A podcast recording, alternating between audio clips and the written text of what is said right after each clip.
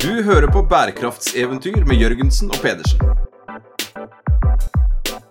Bli med på eventyrlig jakt på bærekraftig business.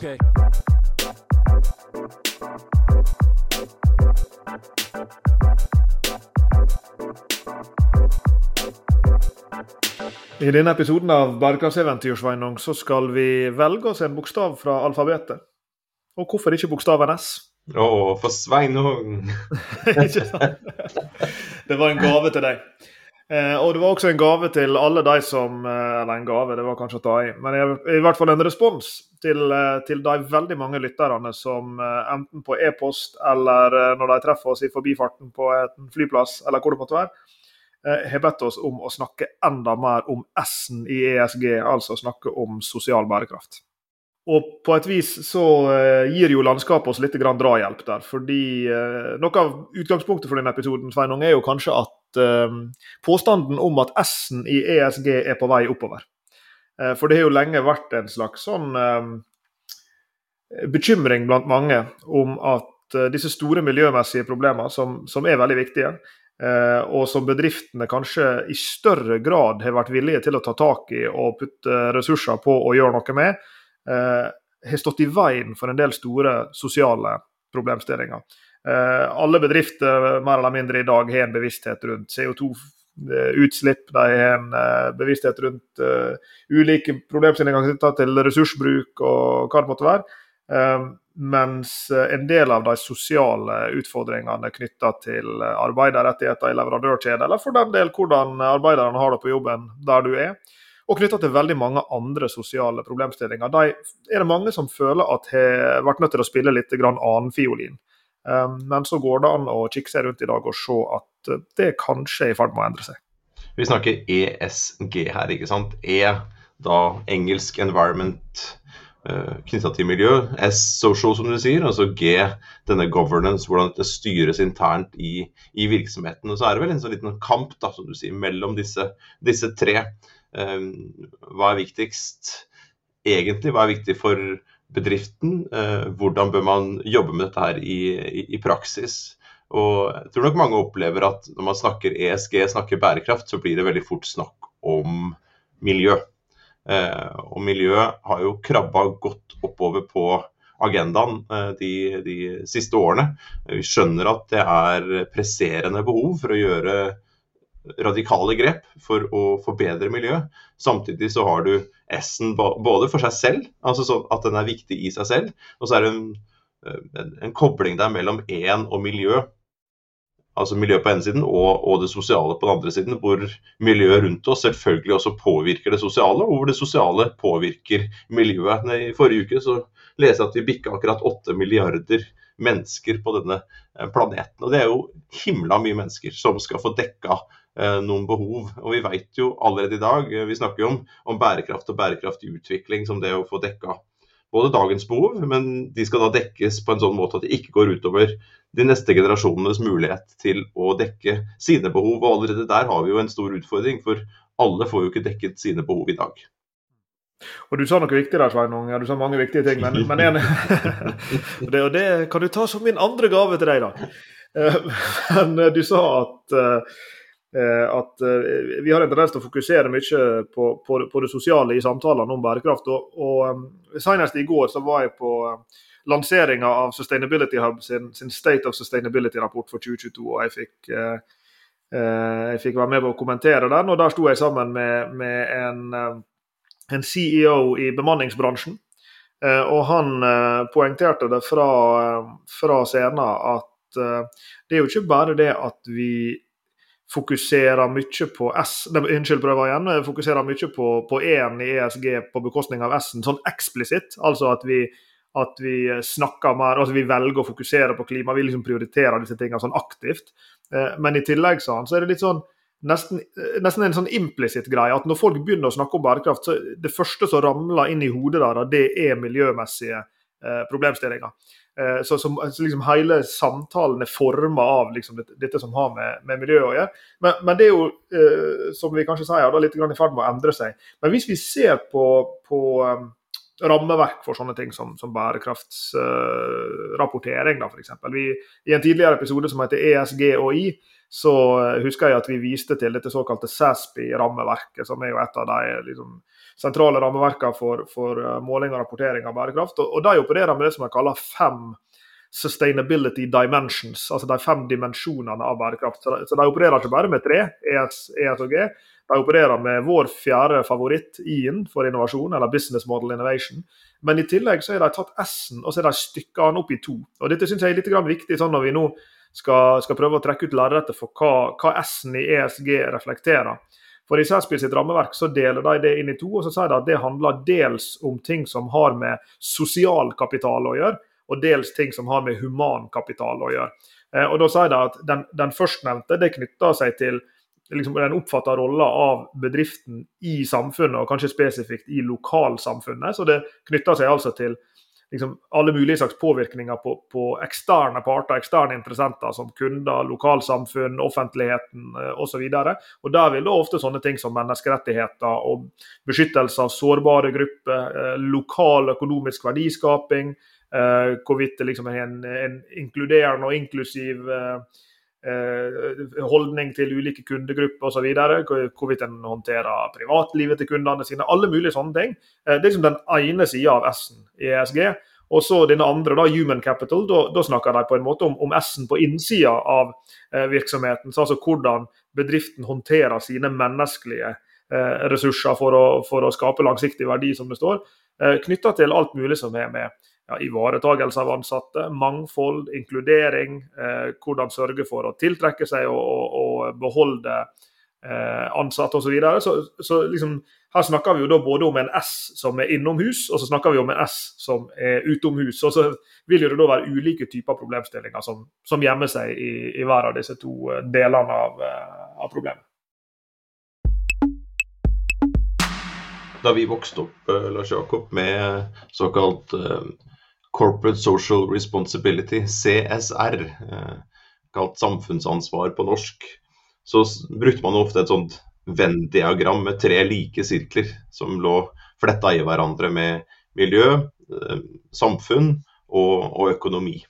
Eh, og så har det vært en, en, en dreining i noen diskusjoner at ikke dette her er et, et dette her handler ikke om balanse mellom de tre systemene, men at miljø står over i hierarkiet.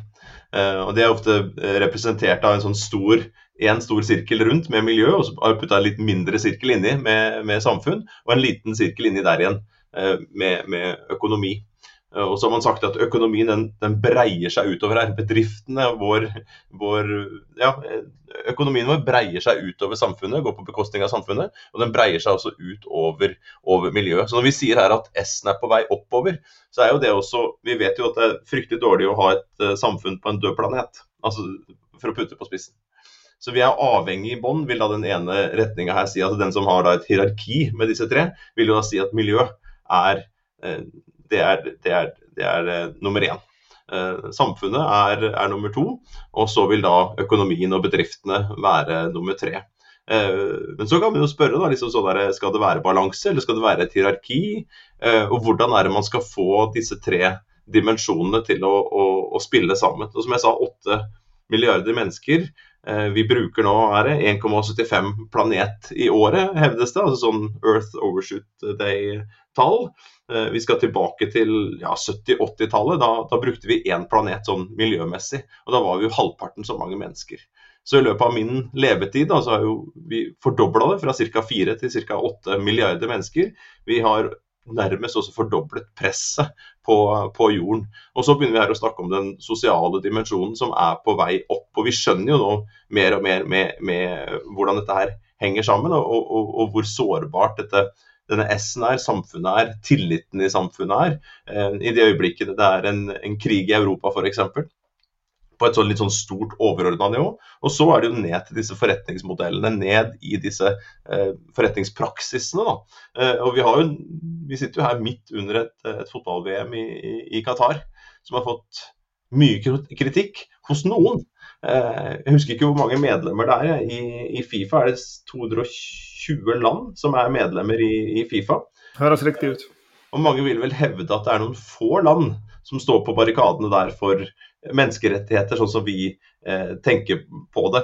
Eh, at, eh, at, at, at, folk skal kunne få lov til å elske hvem de vil, f.eks. Som, har, som har vært hot nå de første dagene og ukene av, av mesterskapet. Eh, og det er den derre S-en. og Jeg sitter og tenkte litt på det før vi gikk på, på lufta. nær sagt, den vesentlighetsdiskusjonen. Eh, for hvis vi skal si at jo, det har blitt viktigere, S-en har kommet seg oppover i hierarkiet, ja da må jo det bety at det er vesentlig.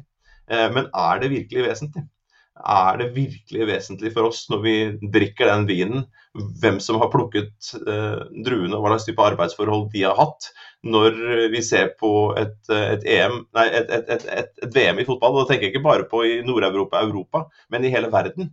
Er det virkelig vesentlig for sponsorer, for de som ser på, de som reiser dit, fotballspillerne? Eh, og er det så vesentlig at de faktisk er villige til å gjøre noe med det?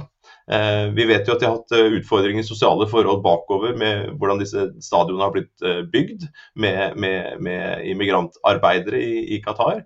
Vi vet at, at, at likhet knytta til homofili, knytta til, til, kjønn og sånne ting, har, har vanskelige arbeidsvilkår i, i, i Qatar.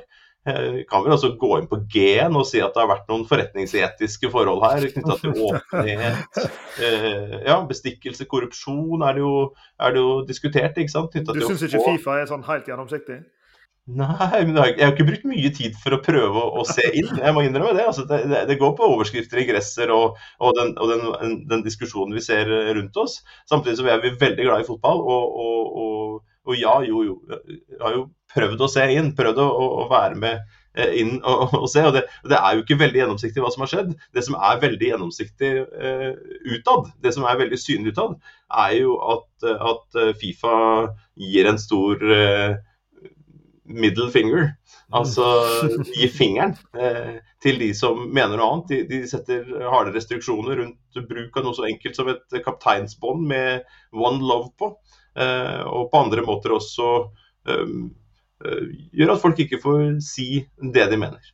Ja, og du, du, reiser jo et interessant spørsmål her da, ved å trekke vesentlighet inn i, inn i samtalen, som vi vel har en tilbøyelighet til å gjøre. Eh, fordi, ja, Hva er det som skal få et Fifa til å endre seg? Og, og hva er det som, som, på en måte er, er de, altså, Hva er de typene ulikheter langs den sosiale dimensjonen her som vi skal akseptere å leve med, og hvilke av dem er det vi ikke skal akseptere å leve med. Det er jo liksom noe av, av, eh, av, av liksom de sentrale spørsmålene her. Og, og, og, som disse bedriftene da, som du er inne på, vi, vi henviste jo til eh, Coca-Cola for et par episoder siden. Når vi traff deres direktør for, for menneskerettigheter i, i Berlin hvordan de må stå i denne spagaten med å skulle ha sin egen human rights eh, både avdeling og strategi, samtidig som de er en av hovedsponsorene for, for eh, VM. Og Hvor de da har liksom lagt en sånn engagement-logikk for dagen. At ja, de skal være der, de skal påvirke, de skal uh, være med på å, å liksom dytte ting i den, i den riktige retninga. Og så så vi Elkjøp her til, til lands, som uh, vel var, var, sponsor var det på TV, det kanskje, og, og, ga fra seg den plassen til Amnesty. husker jeg Amnesty. det ja. Uh, og, og, Det er jo en annen måte da å gripe an det samme på. Altså, de går inn og, og blir en, en spiller i, i, det større Qatar-bildet her på et nasjonalt nivå, da riktignok. Uh, men så velger de da å bruke de ressursene for å slippe til en, en, en, viktig stakeholder, en viktig talsperson for, for S-en generelt og for menneskerettigheter Eh, spesielt. Og så er det jo da, som du sier, ja, i noen land skjer det. I, i noen land velger de, og Tyskland spilte kamp i går. Et uh, uventa 2-1-tap for Japan. Eh, men de hadde da valgt å, å, vise fram på to måter sin uenighet her. Dels ved å ha fotballsko med regnbuefarger på, og dels ved å holde seg for munnen, alle spillerne, når de ble tatt bilde av i lagbildet eh, foran kampen. Men så er spørsmålet, som du sier, er det stort nok? Er det nok? Er det vesentlig? Unnskyld at jeg avbrøt deg, men Iran har jo da fått mer skryt. Mm. Som, som, som, ikke sang under sin egen eh, nasjonalsang. Eh, og Det gikk jo ikke mot Fifa, men, men det er altså sånn å knytte politikk til dette her. For det er jo helt tydelig at en organisasjon Fifa eh, virker som det, altså, utad så virker det som det, de står fritt til å knytte politikk til dette her, mens deltakerne skal, skal, ikke gjøre det. Iran gikk virkelig foran. Tyskland har vært tøffere enn de andre foreløpig. Så får vi se utover mesterskapet hvordan dette her utvikler seg. Men det vi vet er at Coca-Cola og Hundai er jo så glad for endelig å ha fått elbil. Eh, hva er det som skjer da? Jo, det har liksom gjort noe på den sosiale siden. Nei, prøver igjen. Jeg har gjort noe på den miljømessige siden. Én eh, år. Eh, og så lærer jeg det at Hundai er jo hovedsponsor, og de velger jo fremdeles å være det. Eh, fordi at de mener det å voice, det å, å gi uttrykk for en motstand, er bedre enn å ikke, ikke, være der. Det samme argumentet bruker vel også Coca-Cola. Men det som er interessant, da, i et norsk marked, et, et vesteuropeisk marked, så ser vi per i dag ingen kampanjer eh, hvor Hundai og Coca-Cola knytter sine merkevarer opp mot VM. De kjører vanlige julekampanjer, andre typer kampanjer. De velger ikke å eksponere i Norge, da. Så at de er, at de er eh, sponsorer for dette VM-et. Så at dette her er strategiske diskusjoner, operative diskusjoner i disse selskapene, det er jo helt åpenbart. Skal vi være der som sponsor? Hvordan reflekterer det vår eh, merkevare? Um, hvis vi skal være der, hvordan skal vi da jobbe med å gi uttrykk for våre meninger, holdninger, og da også påvirke eh, både moderlandet og også og Fifa. Eh, hvordan skal de operere i ulike land og kommunisere dette her. Så at S-en her det, Ja, det har kommet opp, ikke sant? men vesentligheten i det, vesentlighetsdiskusjonen, da, eh, hvor viktig er det å kommunisere dette her i ett land kontra et annet? Hvor viktig er det å, å være der? Hva vil det si å, å forsøke å endre praksisen. Eh, og hvor dypt stikker det? Eh, og tredje eller fjerde argument der, eller spørsmål er jo kunne de ha påvirket mer ved å trekke seg ut, sånn som Elkjøp har gjort da, i en norsk kontekst. Valgt da i, rett før arrangementet begynte å si OK, vi gir bort denne plassen til, til Amnesty.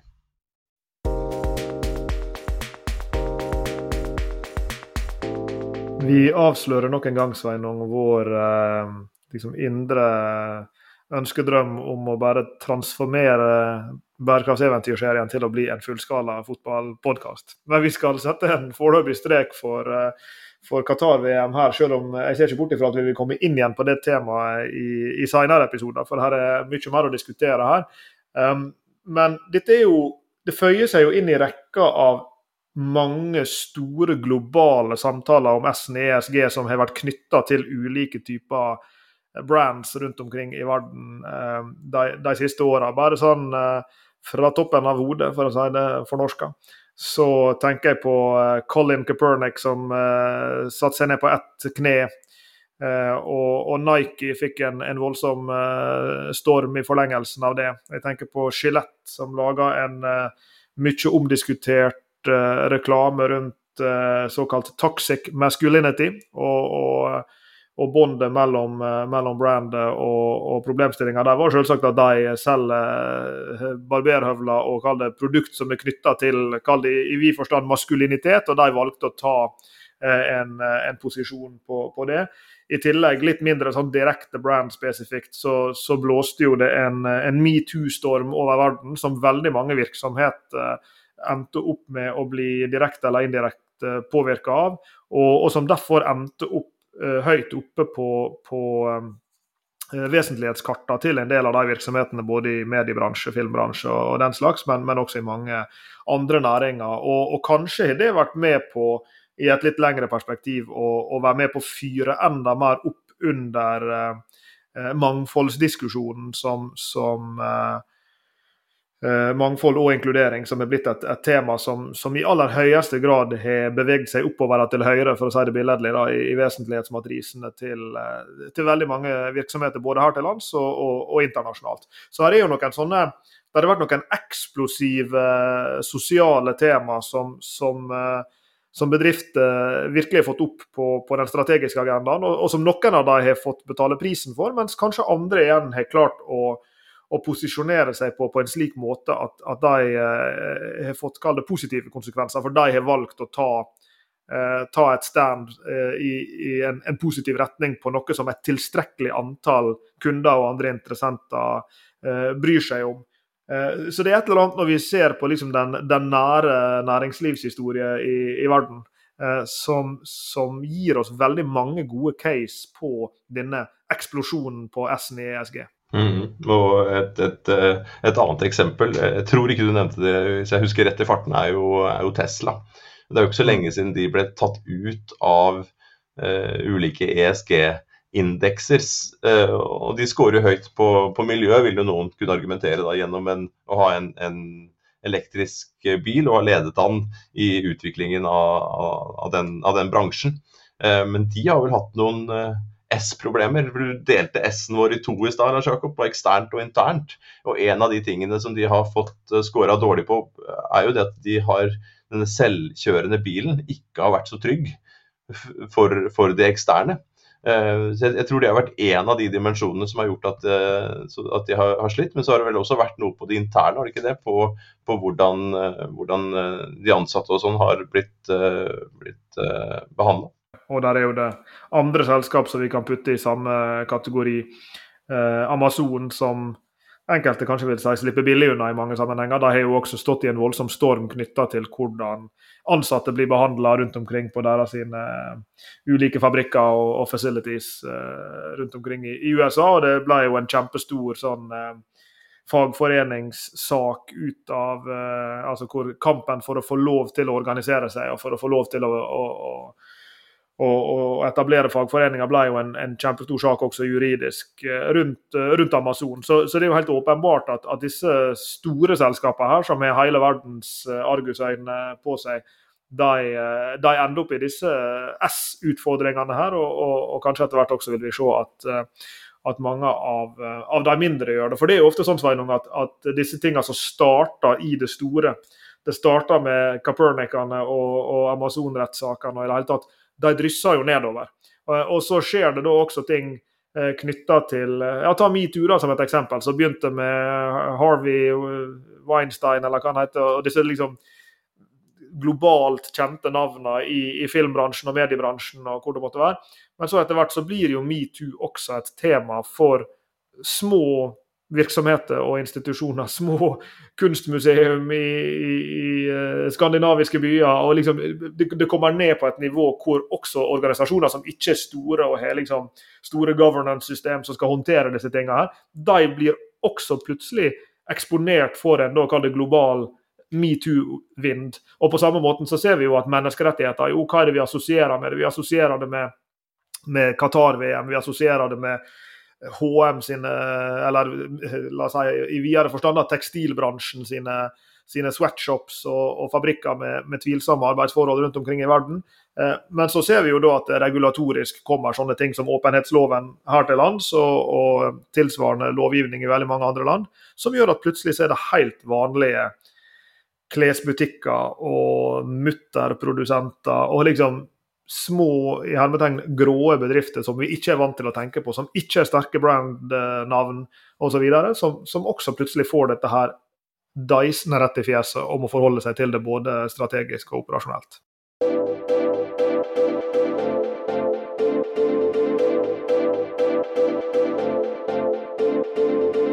Det var enklere før. Det må ha vært enklere å, å drive Fifa før, eller drive en, en, en, en bedrift før. Eh, man skal kle seg naken, har det vært sagt lenge. Altså Bedrifter må forberede seg på en framtid eh, hvor de er nødt til å eh, kle seg nakne og bli gjennomskua. Og det vi diskuterer her, er jo innsyn og åpenhet. Det er de sosiale forholdene i det som til nå har vært eh, skjulte verdikjeder. Eh, med arbeiderrettigheter, som du sier. Hvordan man behandler egne ansatte. Eh, man har hatt miljø, eh, en miljøside også, en E i ESG-en, som, som, ikke har vært så transparent som i dag. Og så er det fremdeles mye å gå på. Det tror jeg er lett å holde på i det skjulte eh, ennå. Eh, samtidig så har det blitt mer åpent, og det stilles andre typer krav. Det stilles andre typer krav når du skal arrangere et, et, mesterskap, eller om du skal produsere en bil, eller om du skal eh, produsere ei, ei, pølse på Toten. Altså, så, så, så, Uansett hvor du er hen her, så, så, vil det kreve at bedriftene eh, ta hensyn til eh, omgivelsene og, og, og, hvordan ulike typer interessenter ser på dem. Og, og, Her er vi jo tilbake til vesentlighetsdiskusjonen Hva er vesentlig for den enkelte bedrift? Og På en side så kan man jo si at jo, det som er vesentlig da, Du sa vi ikke skulle snakke mer om Fifa, men jeg, jeg var litt sånn inne på det i stad. Det er ikke vesentlig før det er vesentlig, og det er ikke like vesentlig i alle markeder. Så sponsorene opplever det som mer vesentlig i noen markeder enn andre. Ehm, arrangørene velger å, å, lytte til noen mer enn en andre. Jeg opplever at det er Europa og noen andre land som da sier at dette er jo helt uh, uakseptabelt. Men uh, hvor stor stemme er det, da? Hvis du har en 20, 30, 40, 50, 60 eller flere stemmer, og så skal det gjøres et valg på en, på en, på en, på en leder uh, fra tid til annen. og, og jeg, jeg, jeg, klarer liksom ikke helt å komme forbi den derre der, hvor, hvor lite håndfast vesentlighet er. Jeg skulle ønske at det fantes en sånn høyere orden av vesentlighet. Noe som ville vært vesentlig uansett. At vi hadde hatt menneskerettighetene f.eks. Og, og der er liksom, vi er, er forplikta til å, å, følge menneskerettighetene. Men så, så, så, ser vi at dette her er jo ja, det, det, er mindre håndfast enn vi skulle ønske.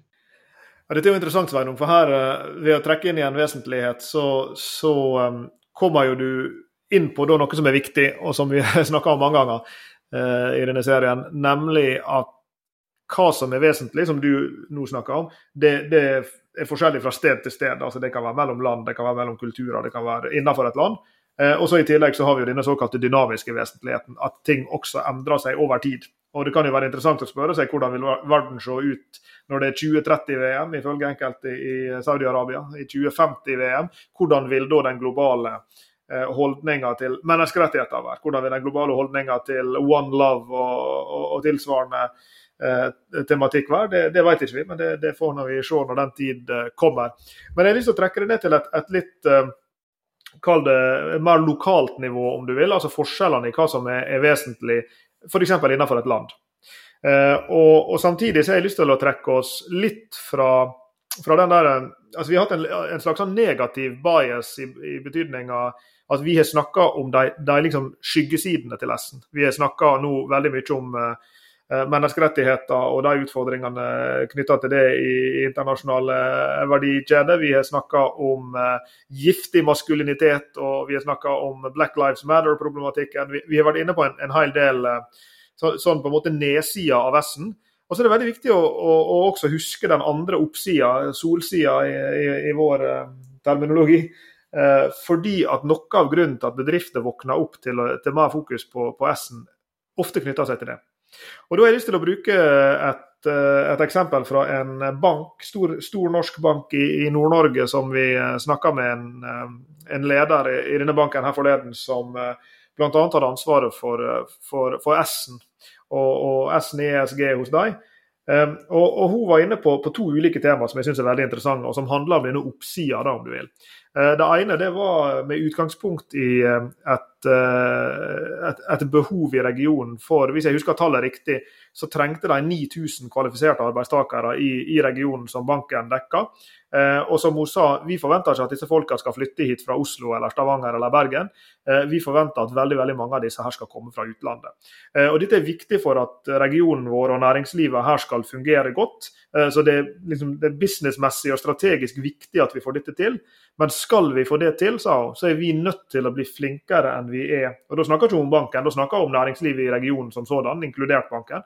Vi må bli flinkere til å, eh, å lykkes med mangfold og, og, inkludering. Og Det kan være mangfold av, av, mange ulike typer, men hun tenker vel særlig da på, på etnisitet og, og, og kultur.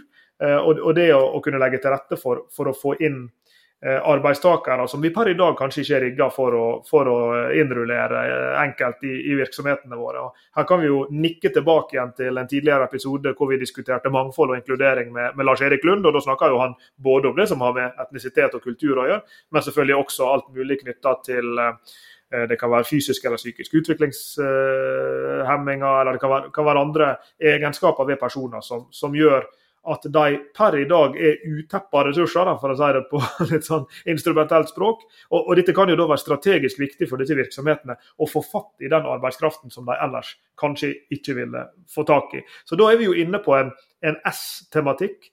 Som, som, handler om kall det forretningsmessig oppside. Hvis vi lykkes med denne sosiale utfordringa som mangfold og inkludering er, ja, da vil vi kunne hente ut verdiskapingskraft eh, av det her.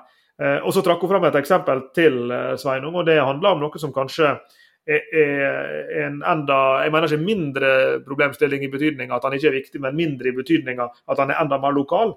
Eh, og Det dreide seg om, om denne banken sin, sin, satsing på jeg mener det står i vesentlighetsanalysen der altså, om samiske forhold. Og Det som det dreier seg om, det er jo da å gjøre banken tilgjengelig og ja, inclusive på godt utenlandsk for den ganske omfattende samiske befolkninga i regionen. Og Det handler jo da om sånne ting som at de skal kunne få snakke med en kunderådgiver på, eh, på samisk, f.eks. Og, og at informasjon er tilgjengelig på samisk både på nett og, og andre steder. Så det er jo to eksempel da på, på eh, liksom S-problemstillinger som, som kanskje i større grad handler om forretningsmessig oppside, henholdsvis å tiltrekke seg arbeidskraft, men også å gjøre seg attraktiv for en kundegruppe som kanskje per i dag føler seg i en viss forstand eh, underskatta.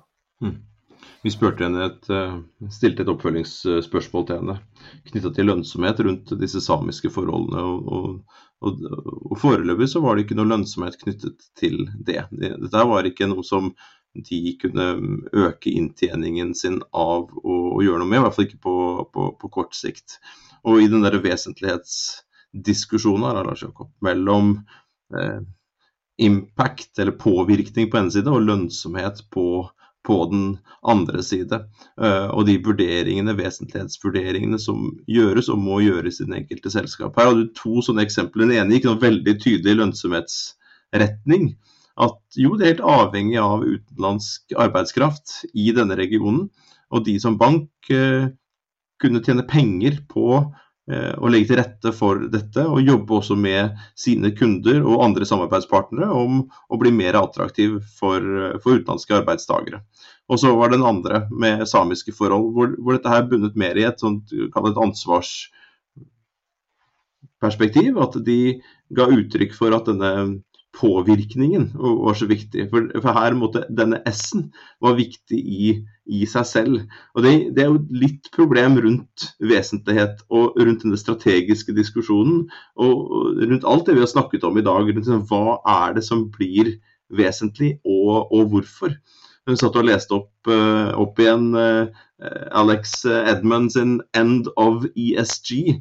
Denne uh, artikkelen som han har skrevet Det ligger i hvert fall et sånt working paper ute nå som man kan, man kan google seg til.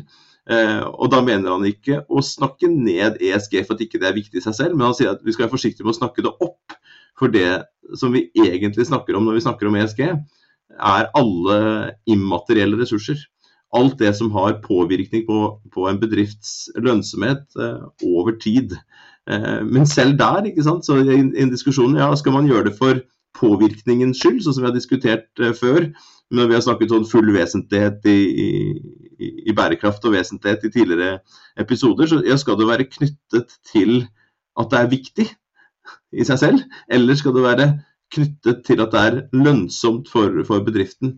Uh, og det vi ser i praksis, er at bedrifter gjør begge deler. De gjør både ting som som et eksempel du uh, nevnte fra Nord-Norge, de gjør ting som er viktig i, i, seg selv. Og så gjør de ting som er mer strategisk, uh, økonomisk motivert. problemet er, tenker jeg, altså et av problemene er jo hvis ikke da denne sosiale dimensjonen er viktig verken Ingen oppfatter at den er viktig i seg selv, og, og, ingen oppfatter at den kan gi økonomisk eh, lønnsomhet å gjøre noe med. For du, du pekte i sted på disse solsiden, oppsiden her. Jo, én ting er å ta vekk disse negative sidevirkningene, men så skal man også lete etter prosjekter som kan skape positive ringvirkninger. Eh, og menneskene, disse åtte milliarder menneskene, enten de bor på en region i, i Nord-Norge -Nord eller et eller annet sted eh, globalt, blir de oppfattet som viktige. Eh, og blir de oppfattet som viktige bare for at det kan være lønnsomt, eller blir de oppfattet som viktige eh, i seg selv?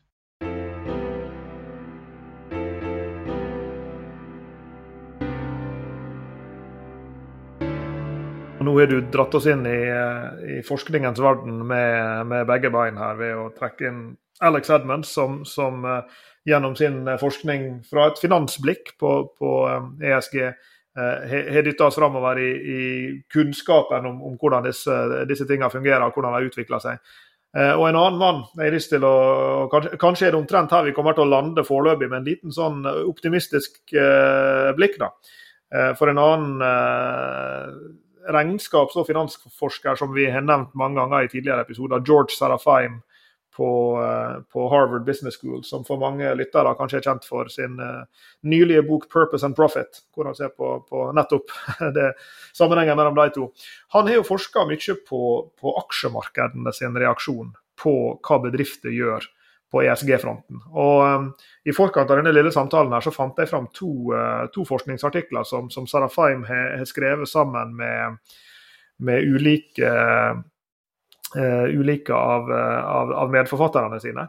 Og Det er litt interessant å se, da, for den ene studien den er fra 2011.